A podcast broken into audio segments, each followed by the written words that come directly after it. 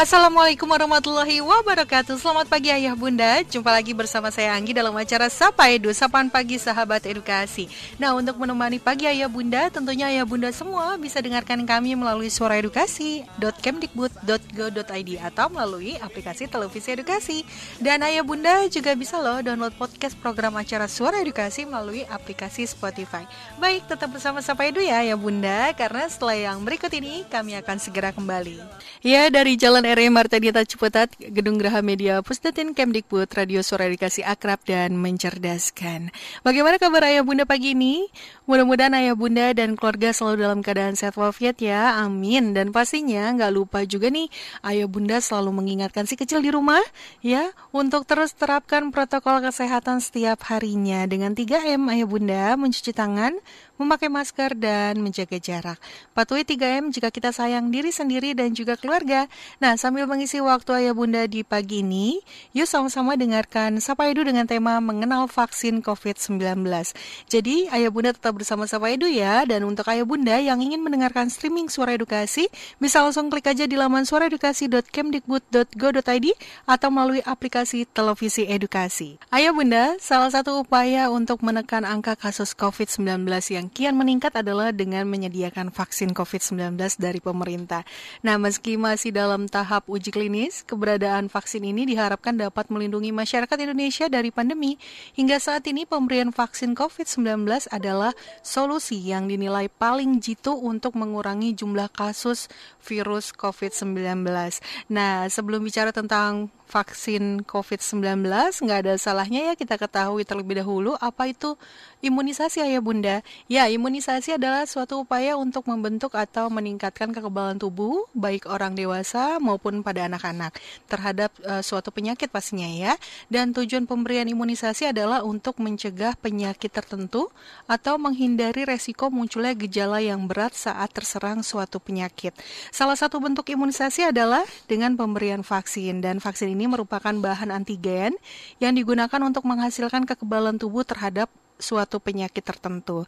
Nah, kemudian pemberian agen ini akan merangsang sistem imun di dalam tubuh untuk mengenalinya sebagai agen asing dan juga menghancurkannya dan mengingatkannya sehingga sistem imun tubuh siap untuk divaksin. Begitu. Nah, jadi fungsi vaksin sendiri adalah untuk menetralkan sebelum uh, memasuki sel begitu ya, kemudian mengenali dan menghancurkan sel yang telah terinfeksi sebelum agen tersebut dapat berkembang dan jika tetap sakit maka sakitnya akan jauh lebih ringan. Perlu diingat ayah bunda bahwa upaya pencegahan COVID-19 tersebut tentunya tetap harus disertai dengan protokol kesehatan ya. Jadi misalnya dengan selalu menjaga jarak, menjauhi kerumunan atau tempat yang ramai, mengenakan masker, dan tentunya rajin cuci tangan. Baik Ayah Bunda, selain satu ini sampai dua akan segera kembali, jadi tetap bersama kami. Ayah Bunda pasti bertanya-tanya ya, seperti apa sih pengembangan vaksin COVID-19 itu dan aman nggak sih? Ya, akhir-akhir ini sebagian masyarakat mungkin sering mendengar pemberitaan terkait pengembangan vaksin sebagai salah satu solusi untuk menanggulangi pandemi COVID-19 di Indonesia.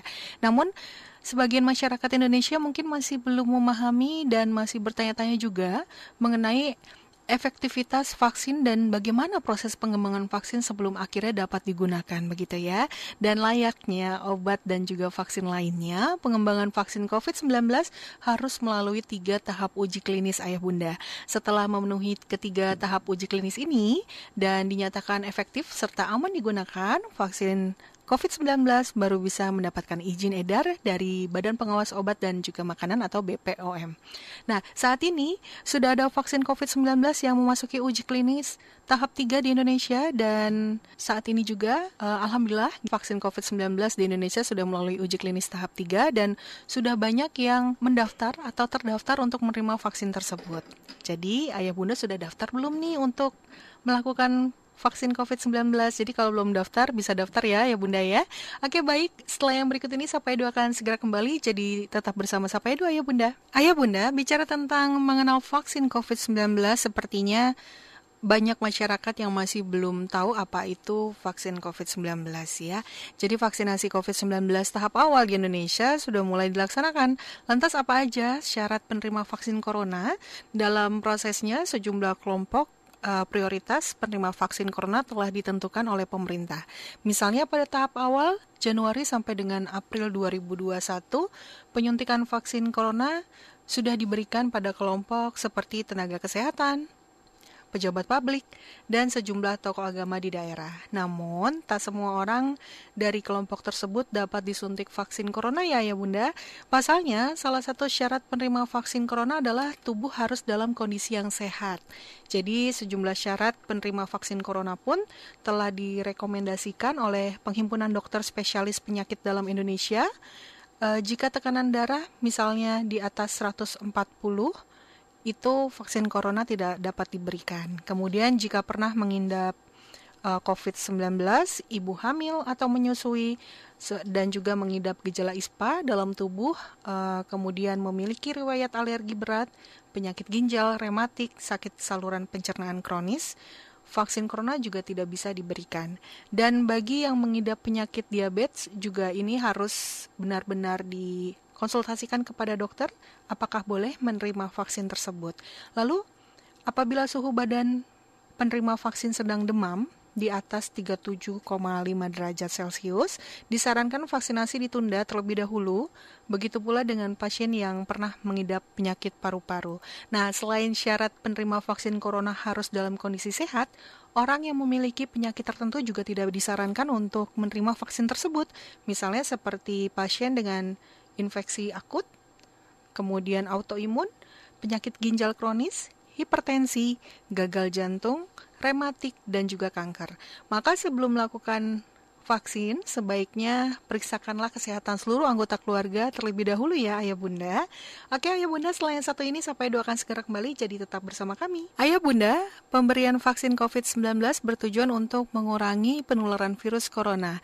Jadi menurunkan angka kesakitan dan juga kematian ya Ayah Bunda. Nah, uh, untuk itu Ayah Bunda juga harus terdaftar untuk mendapatkan vaksin tersebut agar ayah bunda bisa menjaga diri ayah bunda dan juga keluarga terhindar dari virus COVID-19 ini. Nah, proses vaksinasi sudah dilakukan mulai 13 Januari 2021 dan Presiden Republik Indonesia Joko Widodo sebagai orang pertama yang menerima vaksin COVID-19. Vaksin COVID-19 yang digunakan yaitu Sinovac. Vaksin ini sebelumnya sudah melalui proses uji klinis tahap 3 dan mendapatkan uh, izin dari BPOM RI pastinya dan setelah melalui uji klinis tahap 3 berdasarkan aturan vaksin uh, vaksin ini perlu disuntikan sebanyak dua kali begitu ya jadi nanti ada tahap 1 dan juga ada tahap 2 namun dengan jarak antar suntikan pertama dan juga kedua adalah 14 hari ayah bunda ada empat tahapan pelaksanaan vaksinasi virus corona dengan mempertimbangkan ketersediaan, kemudian waktu kedatangan, dan juga profil keamanan vaksin. Nah, sasaran vaksin uh, COVID-19 tahap 1 dimulai dari kelompok prioritas seperti tenaga kesehatan, pelayanan publik, dan juga tokoh agama. Vaksin yang sudah mendapatkan izin penggunaan darurat dari BPOM sekali lagi yaitu vaksin Sinovac. Baik Ayah Bunda, sudahkah mendaftarkan diri ayah bunda dan keluarga untuk mendapatkan vaksin COVID-19? Ya, kembali bersama Sapa Edu Ayah Bunda dan pastinya hanya di Suara Edukasi Akrab dan Mencerdaskan. Ayah Bunda, salah satu upaya untuk memutus mata rantai penularan virus COVID-19 yaitu dengan menerapkan protokol kesehatan yang paling mudah dan bisa kita lakukan setiap hari adalah dengan memakai masker, mencuci tangan, dan menjaga jarak. Adapun upaya untuk mencegah penularan virus COVID-19 yaitu dengan uh, melalui vaksinasi. Nah, untuk itu saat ini kami sudah bersama Dr. Diki Budiman. Beliau adalah seorang epidemiologi Griffith University Australia. Selamat pagi waktu Jakarta, Dok. Selamat siang waktu Australia. iya, senang sekali dapat berbincang bersama pagi ini, Dok. Sebelum berbincang Sama-sama. lebih jauh, Dok, terkait dengan tema kita pada pagi ini, Sahabat edukasi dan ayah bunda ingin mengenal dokter lebih dekat dulu nih dok. Bisa diceritakan ya. sedikit dok mengenai profil dan uh, juga keseharian dokter? Silakan. Ya, sebelum ke Australia sekitar dua hampir hampir tiga tahun ternyata saja, ya. tiga kurang eh, dua, dua setengah tahun lah di sini. Uh -huh. uh, saya itu bekerja di pemerintah ya di hmm. Kementerian Kesehatan khususnya. Yeah. Tapi dari mulai puskesmas hmm. sekitar 24 tahun lalu lah ya e, di Tasikmalaya saya lama di kaki Gunung Galunggung yeah. sebagai kepala puskesmas terus sampai saya juga e, berkarir di Kementerian Kesehatan. Sebelumnya saya mendapat pendidikan dokter saya di Unpad di Bandung ya. Bandung. Dokter umum kemudian saya di uh, mengambil pendidikan epidemiolognya penyakit menular di Griffith sini di Australia juga tahun 2002 itu pas juga saat itu terjadi pandemi SARS ya saat itu. Jadi saya sudah mulai terlibat uh, terkait pandemi ya sejak pandemi SARS, SARS tahun 2003 termasuk juga saya uh, mengambil keahlian di bidang kesehatan lingkungan. Karena pandemi ke depan ini bahkan 20 tahun lalu mm-hmm. Australia sudah memprediksi bahwa uh, akan ada gangguan harmonisasi antara kesehatan lingkungan manusia dan hewan yang akan menjadi faktor yang uh, menimbulkan seringnya terjadi pandemi itu 20 tahun lalu sudah yeah. diprediksi sehingga epidemiolog mm-hmm. lulusan dari Griffith ini juga adalah master di bidang uh, environmental health Kemudian saya juga berkarir, terutama ya saya tiga menteri kesehatan saya uh, uh, dampingi mm-hmm. uh, asistensi untuk pengendalian wabah ya pandemi mm-hmm. ya, dari mulai Prof Siti Fadila, uh, almarhum Bu Endang dan mm-hmm. Bu Nafsi ya. Termasuk saya juga di uh, ya banyak lembaga internasional, ASEAN, OKI ya, di UNDP, WHO, uh, uh, apa namanya dan terakhir di pemerintahan saya di uh, Dewan Pengawas BPJS Kesehatan. Baik. Selain juga pernah di Bapenas ya. Dan sekarang hmm. saya memang uh, setelah 23 tahun lebih langsung berkecimpung dalam pengendalian pandemi, nah, hmm. nah saat inilah baru saya men menekuni yang disebut dengan penelitinya, ya peneliti ataupun uh, uh, ya termasuk memberikan masukan tidak hanya untuk Indonesia, ya. tapi juga ASEAN. Oke, baik. Bicara tentang vaksin COVID-19 nih dok, masih banyak ya. masyarakat yang belum mendapatkan informasi terkait dengan apa itu vaksin, kemudian persyaratan ya. prima vaksin, jenis vaksin, manfaat dan juga tahapan lainnya dok. Bisa dijelaskan dok ya. apa itu vaksin? Bicara tentang vaksin ya, mm -hmm.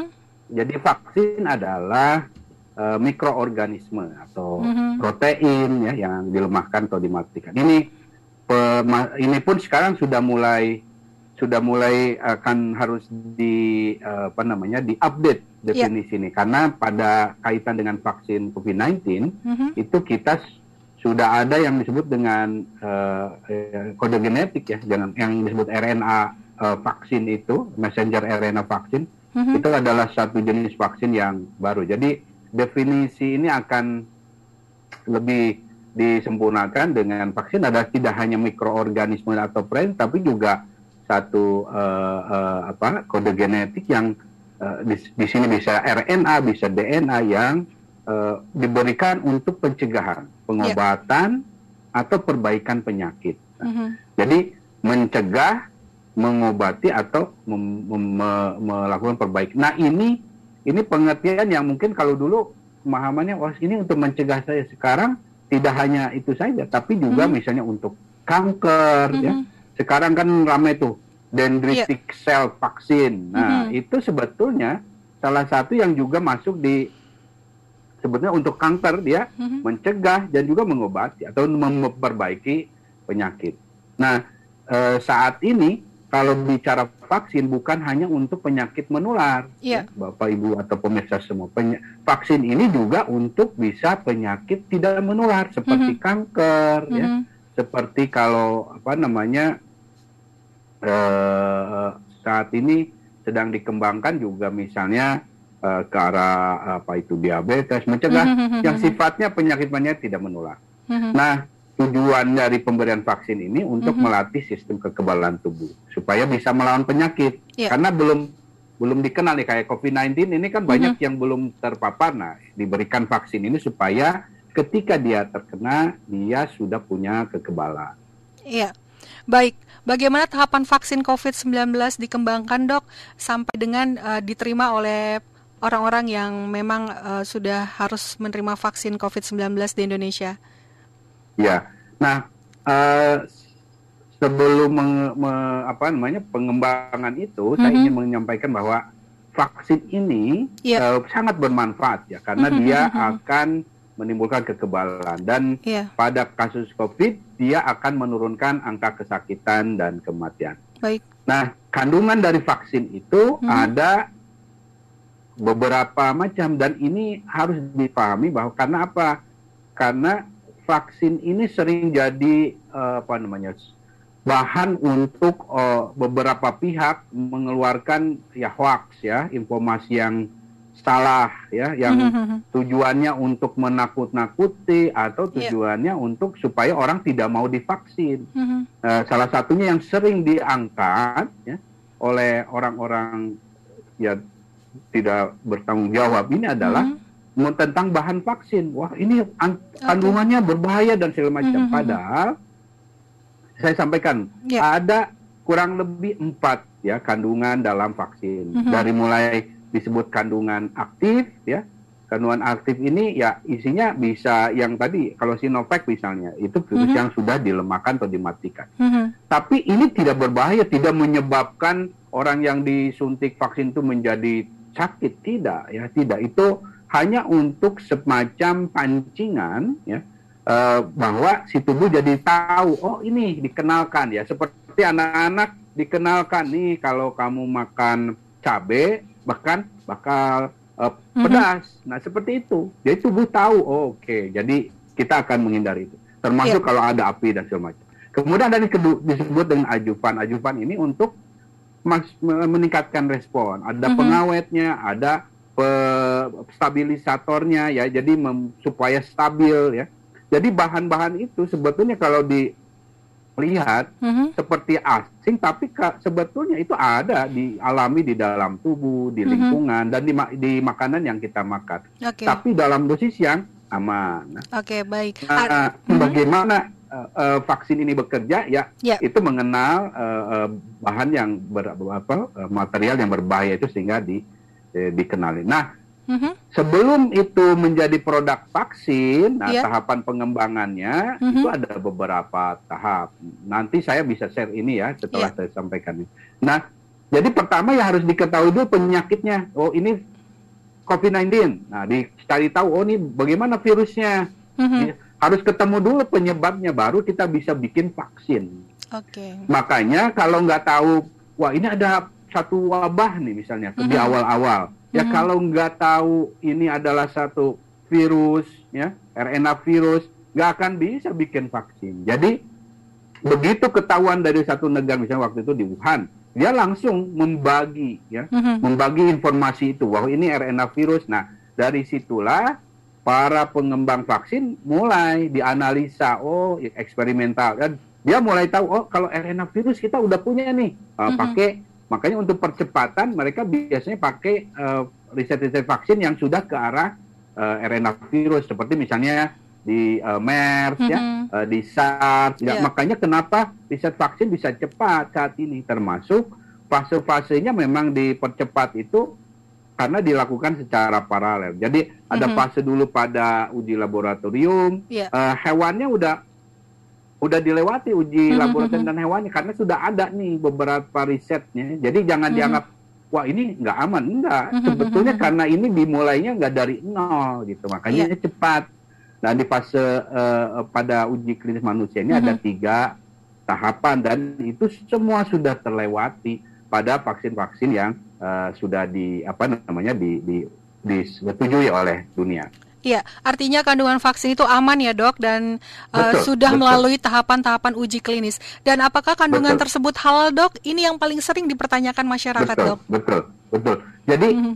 uh, untungnya ya mm -hmm. syukurnya, alhamdulillahnya untuk vaksin katakanlah Sinovac nih yang yeah. saat ini kita dapatkan mm-hmm. itu sudah dari sejak awal Bio Farma dan saya sering berdiskusi dengan Bio Farma dan mereka juga mengundang saya ya mm-hmm. untuk diskusi. Jadi saya tahu dari awal uh, Bio Farma sudah memastikan bahwa uh, rek protein yang digunakan untuk uh, vaksin Sinovac ini adalah namanya protein rekombinan. Protein hmm. rekombinan ini karena ini yang selalu masalah protein ini yang sering jadi asal muasal sebab halal atau tidak. Nah kalau yeah. bicara protein rekombinan itu nggak dari hewan, itu itu bukan bukan dari makhluk hidup lah gitu mm-hmm. ya. Mhm. Jadi artinya ya nggak nggak ada urusan dengan hewan apa pun gitu. Jadi aman mm-hmm. sekali. Jadi nggak ada masalah di uh, sumber proteinnya. Kedua, mm-hmm. dari setiap tahapannya mereka sudah uh, pantau gitu. Mm-hmm. Karena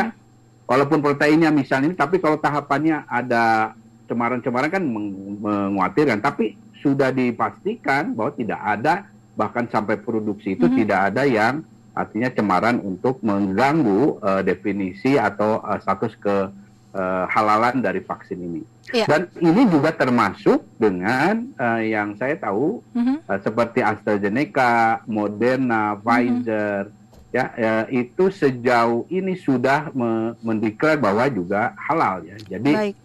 sebagian vaks besar vaksin yang beredar di dunia saat ini sudah mm -hmm masuk dalam kategori halal. Dan mm-hmm. ingin saya sampaikan terakhir gini nih, Mbak Anggi dan yeah. pemirsa ya, kalau mm-hmm.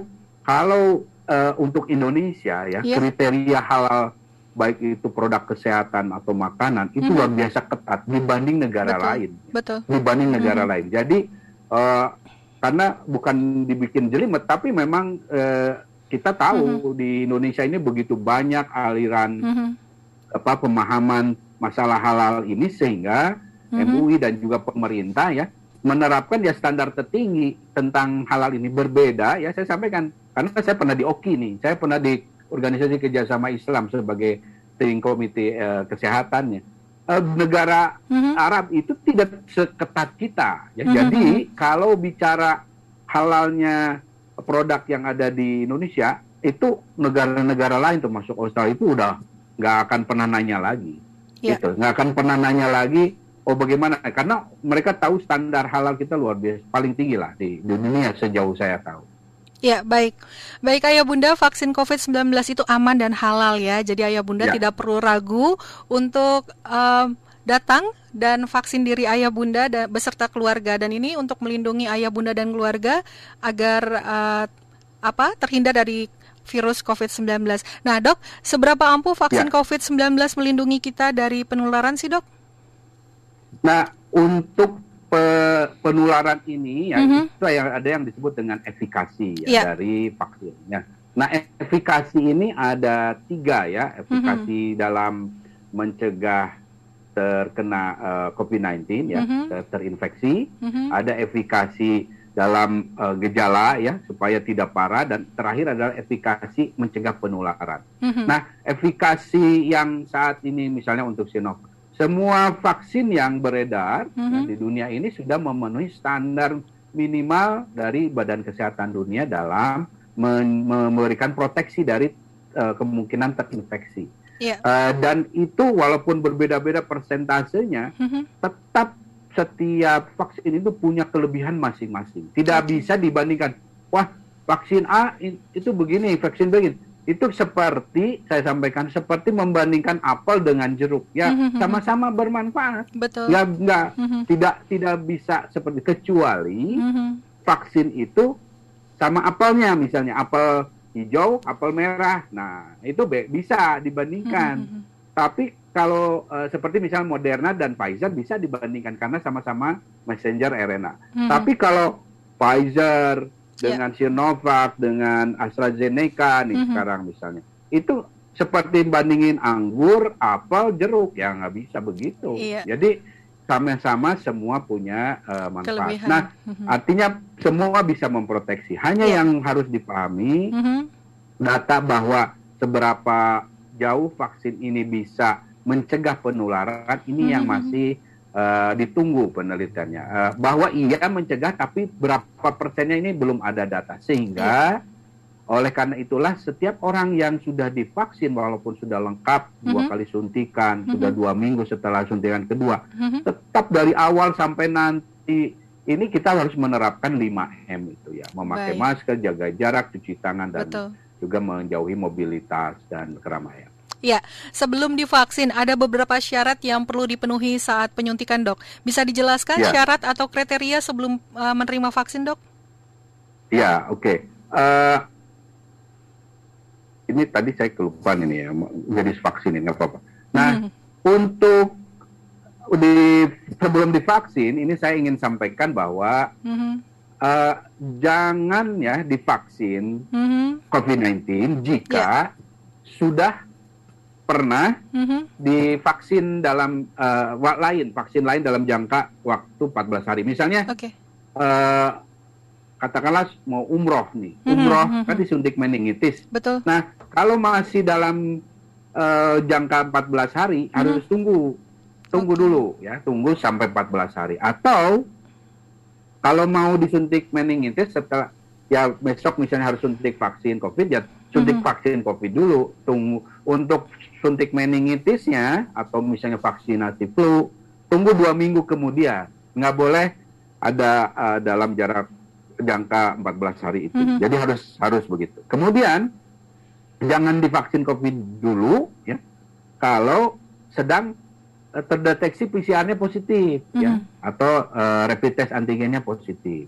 Atau dikatakan oh kamu sudah kontak nih si teman kamu yang A itu atau tetangga atau siapa itu positif mm-hmm. kemarin. Nah, itu kenapa tidak boleh di apa namanya disuntik vaksin COVID? Karena harus dia harus isolasi atau karantina. Mm-hmm.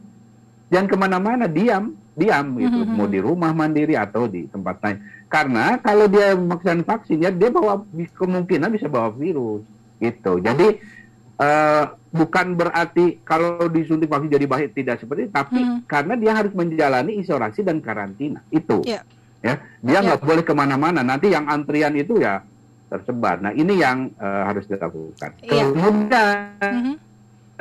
sebelum penyuntikan vaksin, mm-hmm. ya, ya makan, minum, uh, makan sehat, ya sarapan, ya sarapan, mm-hmm. uh, kemudian cukup minum bawa minum juga, ya mm-hmm. jangan uh, nggak bawa minum karena kan bisa antri itu dan walaupun Betul. harusnya tidak antri yeah. ini ya.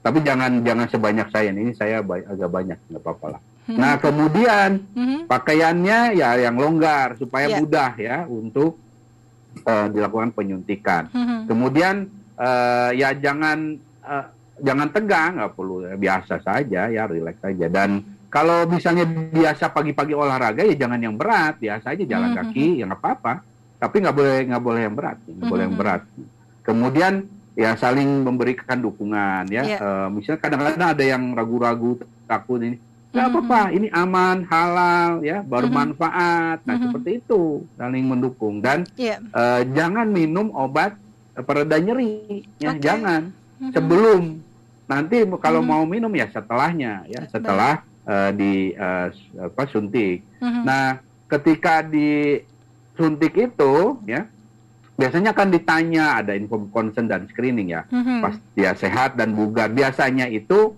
yang dilihat ada fungsi ya biasanya naik turun tangga sedikit atau jalan mm-hmm. itu untuk melihat fungsi paru dan jantung yang mm-hmm. sehat ya karena kalau naik tangga dua anak tangga saja udah ngos-ngosan atau nggak bisa jalan mm. kaki datangnya ke situ sudah pakai apa namanya roda ya itu akan sangat uh, harus dipastikan mm-hmm. kondisinya ya. Yeah. Kemudian tidak ada riwayat alergi mm-hmm. berat mm-hmm. ya. Tidak ada riwayat juga ada disebut dengan Guillain-Barré syndrome ini nanti biasanya akan tahu para dokternya mm-hmm. dan juga tidak mengalami gangguan pendarahan yeah. atau juga tidak ada penyakit atau terapi yang menurunkan imunitas. Seperti mm-hmm. itu ya. Yeah, dan baik. waktu mau disuntik mm-hmm. ya ya ini ada tipsnya saya sampaikan ya dari yeah. tarik nafas dalam perlahan mm-hmm. duduk tegak bersandar begini mm-hmm. dan fokus pada hal lain karena ya ada yang orang takut ya fokus pada hal lain itu ya bisa ngobrol dengan uh, pe, apa namanya uh, pe, pe, Petugas. apa, penyuntiknya hmm, petugasnya ini yang disuntiknya juga ini daerah sini daerah otot bukan hal yang berbahaya ya, yeah. ya setelah disuntik mm-hmm. itu harus nunggu 30 menit kenapa yeah, harus betul. nunggu 30 menit mm-hmm. untuk melihat ada uh, ya segala macam ya kemungkinan mm -hmm. reaksi atau mungkin nyeri-nyeri dan lain sebagainya. Betul. Uh, sambil duduk-duduk saya dan tetap uh, nanti akan diingatkan mm -hmm. pentingnya uh, 5M. Iya. Baik dok, dokter tadi mengatakan kalau vaksin COVID-19 itu aman dan masyarakat tidak perlu ya. ragu untuk uh, vaksinasi dini gitu ya. Apakah vaksin ya. COVID-19 akan tetap efektif dok saat virus corona masih terus berkembang sampai dengan saat ini? Ya, untuk Sinovac ya, ya dan juga AstraZeneca yang saat ini sudah mm -hmm. masuk Indonesia ya. Mm -hmm. Untuk yang strain lama kemudian juga uh, kan sudah ada nih yang strain dari uh, B117 di Indonesia mm -hmm. uh, itu masih efektif, masih iya. efektif. Yeah. Tapi mm -hmm. uh, untuk strain yang lain yang ke depan ya kita masih belum tahu. Oleh karena itu harus cepat, mm -hmm. cepat mhm. dilakukan program vaksinasi, mm -hmm. kemudian juga uh, dijaga ya perilaku uh, 5M-nya ya oleh Betul. kita semua karena mm -hmm. itu yang akan mencegah menyebarnya strain-strain baru dan bahkan mencegah timbulnya strain baru. Iya. Baik, apakah vaksin COVID-19 dapat uh, melindungi secara jangka panjang, Dok? Artinya nah, apakah nantinya hmm. gitu ya ada hmm. pengulangan di setiap tahunnya atau bagaimana? Silakan, Dok. Jadi ada kemungkinan ya hmm. karena saat ini kan riset vaksin COVID ini memang uh, dalam uh, masih terbatas informasi hmm. yang kita miliki. Betul. Jadi bahwa ini akan uh, sejauh atau sel selama apa bisa memproteksi uh-huh. ancar-ancarnya ini saat ini masih antara enam bulan sampai satu tahun. Baik. Ya, ini uh-huh. ini kemungkinan uh, terbaiknya di antara itu sehingga yeah. ada potensi kita akan seperti halnya uh, vaksinasi flu yang yeah. harus diulang tiap diulang, ya? tahun apalagi uh-huh. karena ada banyak strain baru. Uh-huh. Dan itu tidak apa-apa, tidak masalah karena uh, kita sudah punya yang disebut dengan messenger RNA ya. Mm-hmm. Vaksin messenger RNA maksudnya dunia ya yeah. yang begitu cepat bisa disesuaikan dengan strain baru. Baik. Baik dok, kita jeda dulu sejenak ya dok. Nanti kita bergabung lagi bersama Baik. ayah bunda di rumah dan ayah bunda jangan ke mana-mana, tetap bersama kami di sini dalam acara Sapa Edu. Kembali bersama Sapa Edu, ayah bunda dan pastinya hanya di Suara Edukasi Akrab dan Mencerdaskan. Kita masih bersama Dokter Diki Budiman, beliau adalah seorang epidemiologi dari Griffith University Australia. Dok, ya, ya.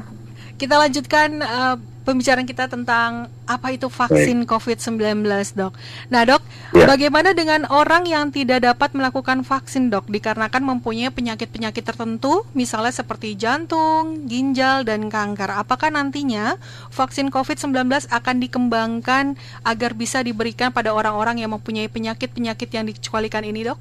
Ya, uh, tentu karena ini adalah uh, risetnya masih dalam tahap perkembangan terus ya. Uh, pada gilirannya memang uh, para produsen vaksinasi ini akan mm-hmm. mengarah juga memberikan perlindungan pada orang yang men mengalami komorbiditas tadi. Yeah. Dan nah, uh, namun ini tentu uh, akan memerlukan waktu hmm. ya data terutama datanya ya kita akan perlukan waktu untuk mencapai itu dan hmm. sejauh ini arahnya sudah sudah bagus ya tren dan katakanlah misalnya Pfizer atau yang messenger RNA sudah terbukti juga aman untuk uh, para penderita komorbid. Jadi uh, uh, tentu uh, untuk pem, pem, pem, masyarakat Indonesia pada akhirnya akan mendapatkan juga hal itu. Iya, baik. Mengapa ibu hamil dan anak-anak tidak menjadi prioritas untuk mendapatkan vaksin COVID-19? Padahal ibu hamil dan anak-anak termasuk golongan beresiko tertular virus corona, dok. Ya, inilah yang selalu terjadi dalam setiap riset vaksin ya, ya. karena ibu hamil ini adalah uh, apa? satu sosok yang dianggap harus betul-betul diperlakukan khususnya karena hmm. mengandung uh, janin yang sedang dalam proses perkembangan. Hmm. Nah, nah dan bukan berarti vaksin ini nggak aman, tapi kalau belum ada data yang menjamin keamanannya, mm-hmm. uh, apalagi ini kan proses uh, apa perkembangan janin manusia iya, ya, betul. itulah mm-hmm. sebabnya kehati-hatiannya udah udah harus super ekstra hati-hati. Jadi mereka iya. ditempatkan pada uh, antrian ujung ya bukan berarti Baik. tidak mau dilindungi nah itu maksudnya untuk melindungi termasuk anak-anak gitu jadi itulah sebabnya dalam kondisi ini sebetulnya pesan pentingnya pentingnya 3T dilakukan pemerintah itu untuk melindungi mereka. Mm-hmm. Orang-orang yang tadi komorbid belum mm-hmm. ataupun misalnya uh, wanita hamil dan juga uh, anak-anak ya bayi misalnya. Nah, itu pentingnya 3T dilakukan pemerintah, 5M dilakukan oleh kita semua. Nah, itu untuk melindungi mereka. Baik. Nah, menurut dokter, mengapa kasus COVID-19 di Indonesia sejak awal tahun 2021 masih terus meningkat, Dok? Walaupun saat ini sudah banyak sekali daerah yang uh, sudah masuk zona hijau ya, tapi tiap harinya iya. masih ada aja kasus COVID-19. Apakah faktor utama kasus COVID-19 di Indonesia dikarenakan kedisiplinan masyarakat, Dok? Jadi untuk memahami pandemi hmm. ya, itu kita bayangkanlah eh, Jawa inilah misalnya Pulau yeah. Jawa ini seperti lahan luas padang ilalang, mm -hmm. padang ilalang kering, mm -hmm. padang ilalang kering. Kenapa kering? Karena dia belum pernah mengenal COVID-19. Ini makanya vaksin bermanfaat kan. Mm -hmm. Nah, karena ini semua orang ini rawan, mm -hmm. ya penduduk se, se Indonesia ini rawan, bahkan sedunia, ya, mayoritas lebih dari 90% ini rawan. Nah, itulah menyebabkan ketika uh, eh, COVID-19 ini ibarat api. Mm-hmm. Begitu api ini menyebar dan ini kan kering ya, menyebar cepat gitu. Mm-hmm. Nah, ketika kita melakukan 3T 5M mm-hmm. itu kita membuat jeda mundur sedikit dari yang terbakar itu si padang ilalang ini sehingga mm-hmm. tidak tersambar api itu. Itulah pentingnya 3T 5M, pentingnya isolasi karantina dan lain sebagainya. Mm-hmm. Itu yang akan menghambat. Tapi mm-hmm kan tidak semua daerah melakukan itu dengan optimal. Betul, betul Nah, itulah sebabnya Padang Ilalang ini karena luas ya di hmm. sana sini kebakarannya apalagi udah di sana sini. Jadi hmm. akan muncul memang hmm. kasus-kasus itu. Jadi tidak mungkin hmm. ya ini ini pemahaman yang mendasar. Tidak mungkin ya. satu wilayah satu negara itu aman sampai semuanya aman. Aman itu bagaimana? Hmm ya terkendali dari akibat 3 atau 5 M termasuk hmm. vaksinasi dan itu artinya ya masih butuh waktu lama betul ya. betul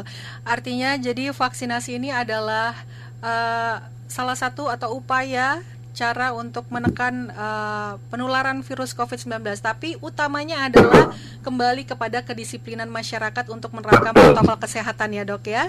Baik, jika dibandingkan dengan negara lain di Indonesia nih Jok uh, masih memiliki ya. kasus COVID-19 setiap harinya. Kasusnya uh, eh, khususnya maksud saya Jakarta ya. Bisa diceritakan dok keadaan atau situasi pandemi di Aussie saat ini? Nah, kebetulan uh, center saya ini juga salah satu uh, uh, yang banyak alumni yang berkontribusi tidak hanya di Australia ya, tapi juga di China, Vietnam, uh, uh, uh, ya uh, Taiwan. Dan bagusnya negara-negara itu bagus itu pengendalian. Nah ini kita gambarkan misalnya ketika Australia Januari 2020 lalu melihat kasus di China, mereka sudah langsung mempersiapkan semua uh, apa infrastrukturnya, SDM-nya, uh-huh. langsung melatih tenaga tracernya, uh-huh. termasuk juga uh, memperkuat penjagaan uh, screening di perbatasan pintu masuk negara, termasuk menyiapkan kapasitas testing itu dari mulai Januari uh, ketika belum ada kasus.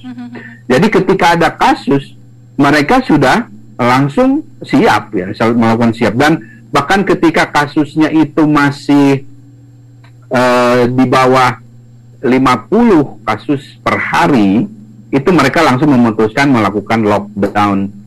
Total hampir selama dua bulan ya. Selama dua bulan. Dan sejak itulah sejak lockdown itu bertahap ya. Bahkan saya ingat nih saya nih hari ini kan jumatan nih. Saya baru bisa jumatan dempetan itu itu setelah hampir 10 bulan tidak ada kasus jadi di sini tidak begitu mudah melakukan pelonggaran. Misalnya, wah dua minggu sudah nggak ada kasus, eh, kita bisa bebas nggak? Nggak begitu. Jadi secara ilmiah, ya secara saintis, tahapan pelonggaran itu ada beberapa tahap yang harus diikuti supaya berhasil. Nah, sholat itu selama bahkan saya pernah ya nggak bisa jumatan selama berapa ya tiga bulan kali ya. Hmm. Nah, kemudian setelah itu sampai sekarang uh, tidak ada kasus kan di Australia. Yeah. Nggak ada kasus, nggak ada kematian, udah lebih dari tujuh bulan. Semua aktivitas sudah normal, mm -hmm. tapi dengan beberapa pembatasan. Nah, pembatasan pengetatan ini contohnya seperti sholat itu ya baru minggu lalu saya bisa sholat dempetan setelah hampir ya 10 bulan ya. tanpa ada kasus. Ya, Jadi ini buah dari sekali lagi strategi yang dilakukan dengan disiplin oleh semua pihak. Iya. Apakah warga di sana juga sudah mendapatkan vaksin, Dok? Bagaimana tahapannya di sana, Dok? Nah, vaksin baru di kurang lebih dua minggu ini mereka memulai dan itu pun untuk tenaga kesehatan dan juga uh, sekarang sudah mulai ke lansia.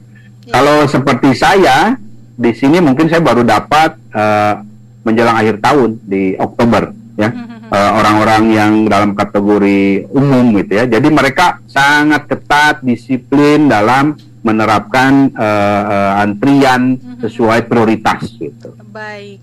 Nah, Dok, dari sudut pandang dokter nih, bagaimana kondisi Indonesia saat ini dan ke depannya terkait pandemi COVID-19 yang sedang melanda uh, seperti saat ini, Dok? Ya, kita harus uh, menyadari bahwa situasi pandemi di Indonesia masih belum terkendali baik. Itu adalah karena tes positivity rate kita yang masih di atas 10%. Hmm. Itu artinya tidak terkendali.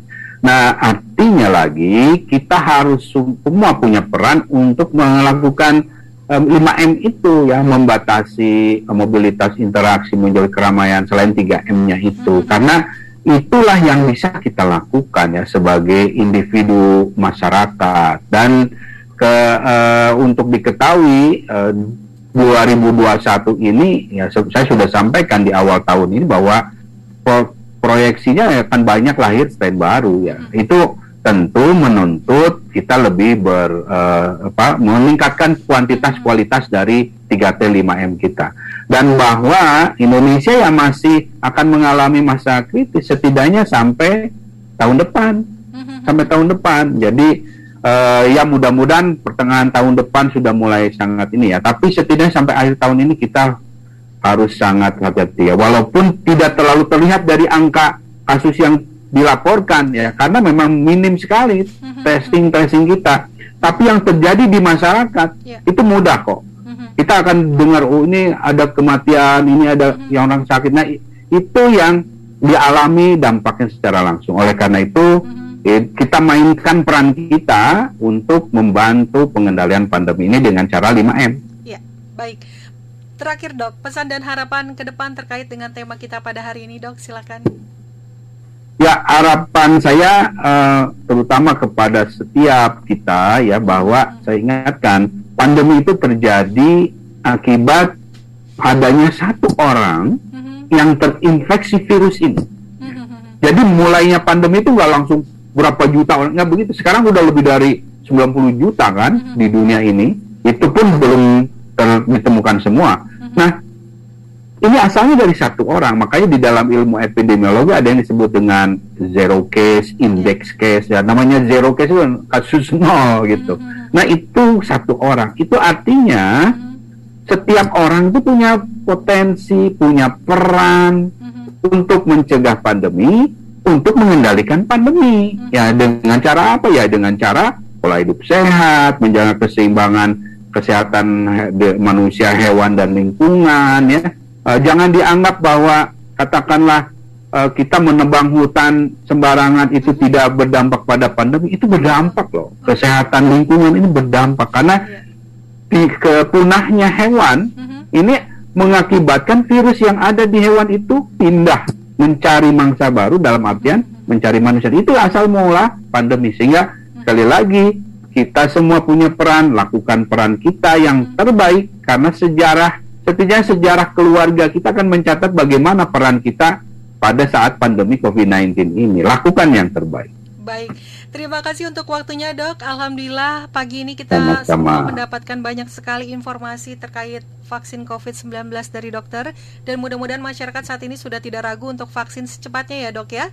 Karena ya, vaksin ya. COVID-19 aman dan halal ya. Terima kasih dokter. Salam sehat untuk dokter. Sama, salam ya, sehat. Assalamualaikum warahmatullahi Assalamualaikum warahmatullahi wabarakatuh.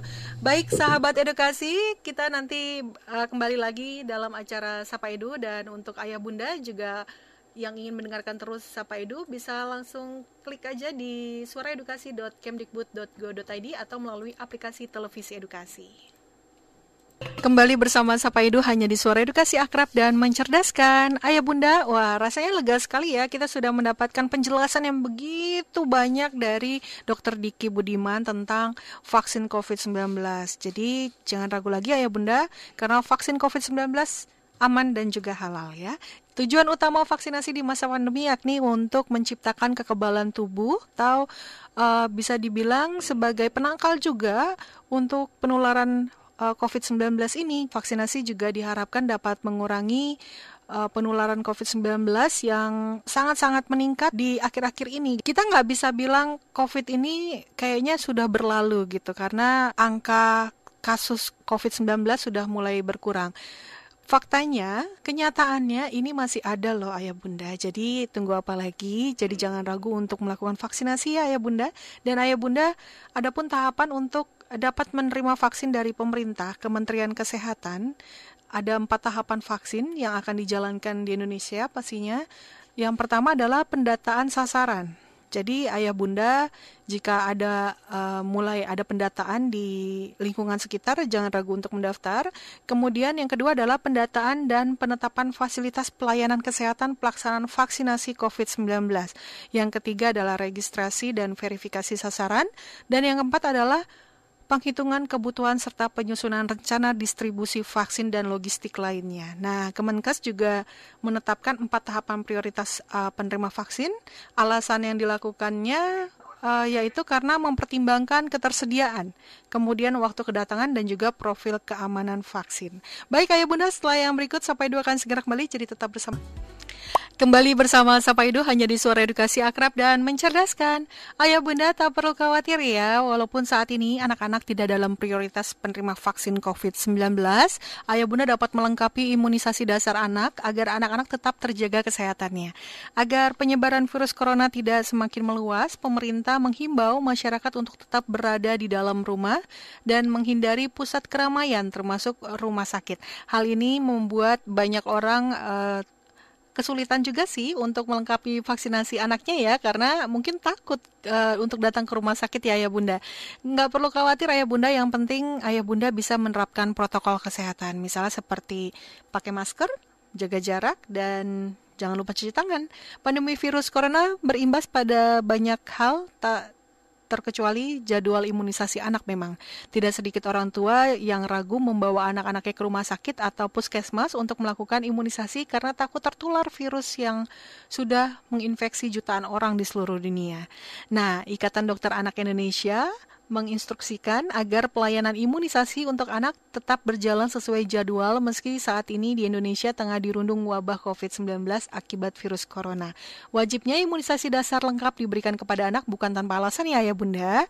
Imunisasi lewat pemberian vaksin akan membantu sistem imun anak dan juga memproduksi antibodi khususnya untuk melawan beragam penyakit infeksi berbahaya yang mengancam anak-anak kita seperti hepatitis B, difteri, dan juga polio.